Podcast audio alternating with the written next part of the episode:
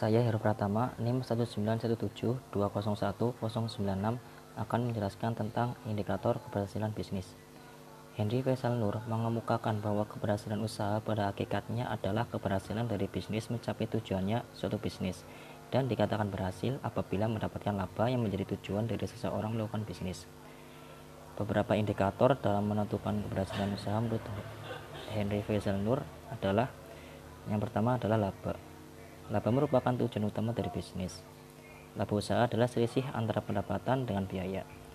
Jenis-jenis laba dalam perhitungan laba rugi. Laba terdiri dari berbagai jenis di antaranya yaitu yang pertama adalah laba kotor atas penjualan, yang kedua laba bersih operasi perusahaan, yang ketiga laba bersih sebelum potongan pajak, yang keempat laba bersih sesudah potongan pajak. Kemudian yang kedua adalah produktivitas dan efisiensi. Besar kecilnya produktivitas suatu usaha akan menentukan besar kecilnya produksi. Hal ini akan mempengaruhi besar kecilnya penjualan dan pada akhirnya menentukan besar kecilnya pendapatan, sehingga mempengaruhi besar kecilnya laba yang diperoleh.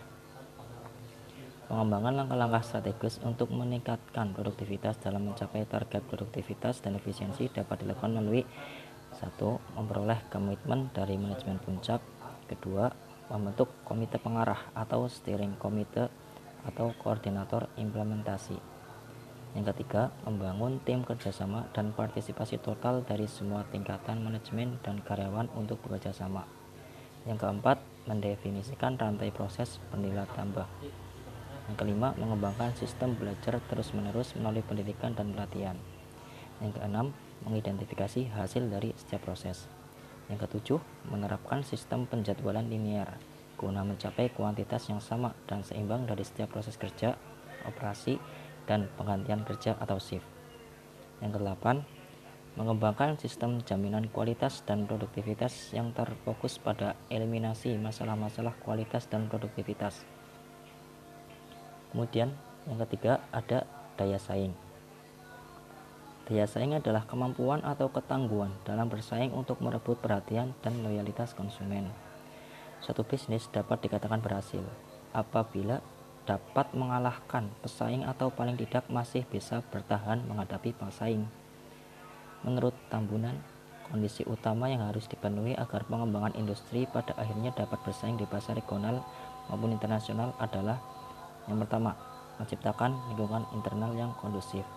Yang kedua, menciptakan lingkungan eksternal yang kondusif. Dan ini menurut Ismail dan Safitri untuk mengukur daya saing ekonomi daerah, ada empat indikator yang harus digunakan, yaitu yang pertama struktur ekonomi yang meliputi kondisi ekonomi, produktivitas, output, dan nilai tambah, serta tingkat investasi asing atau domestik. Kedua, potensi wilayah yang meliputi non-tradable seperti lokasi, prasarana, sumber daya, alam, serta strategi daerah. Yang ketiga, sumber daya manusia meliputi kualitas sumber daya manusia yang mendukung kegiatan ekonomi mulai dari proses produksi, konsumsi hingga distribusi. Yang keempat, kelembagaan meliputi konsistensi kebijakan pemerintah dan perilaku masyarakat yang pro pengembangan ekonomi lokal serta budaya yang mendukung produktivitas. Kemudian yang keempat ada kompetensi dan etika usaha. Kompetensi merupakan akumulasi dari pengetahuan, hasil penelitian, dan pengalaman secara kuantitatif maupun kualitatif dalam bidangnya sehingga dapat menghasilkan inovasi sesuai dengan tuntutan zaman. Adapun dimensi dari kompetensi kewirausahaan adalah sebagai berikut.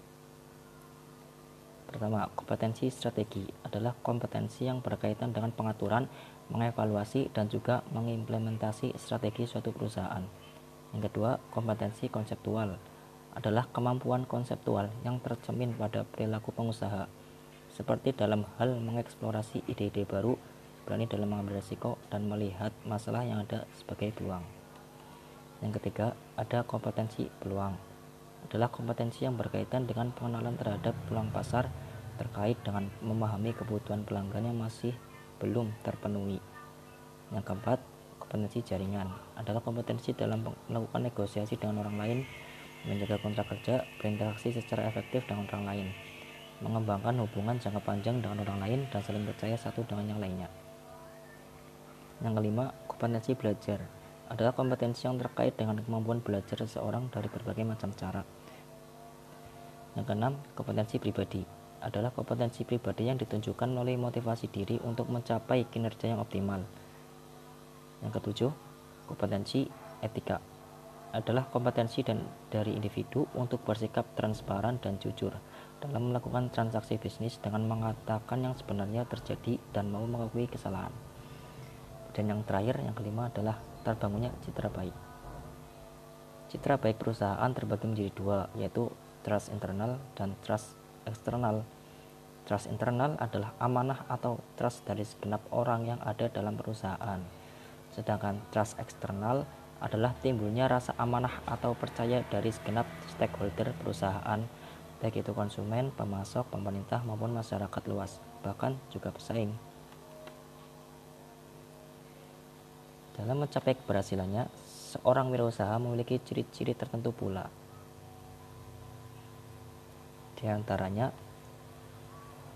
yang pertama proaktif, yaitu berinisiatif dan tegas, berorientasi pada prestasi yang tercermin dalam pandangan dan bertindak terhadap peluang, orientasi efisiensi, mengutamakan kualitas pekerjaan, berencana, dan mengutamakan monitoring.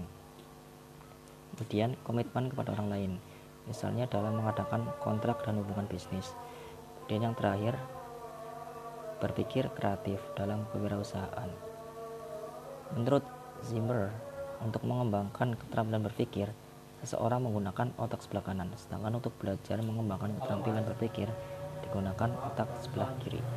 Ya, sekian terima kasih.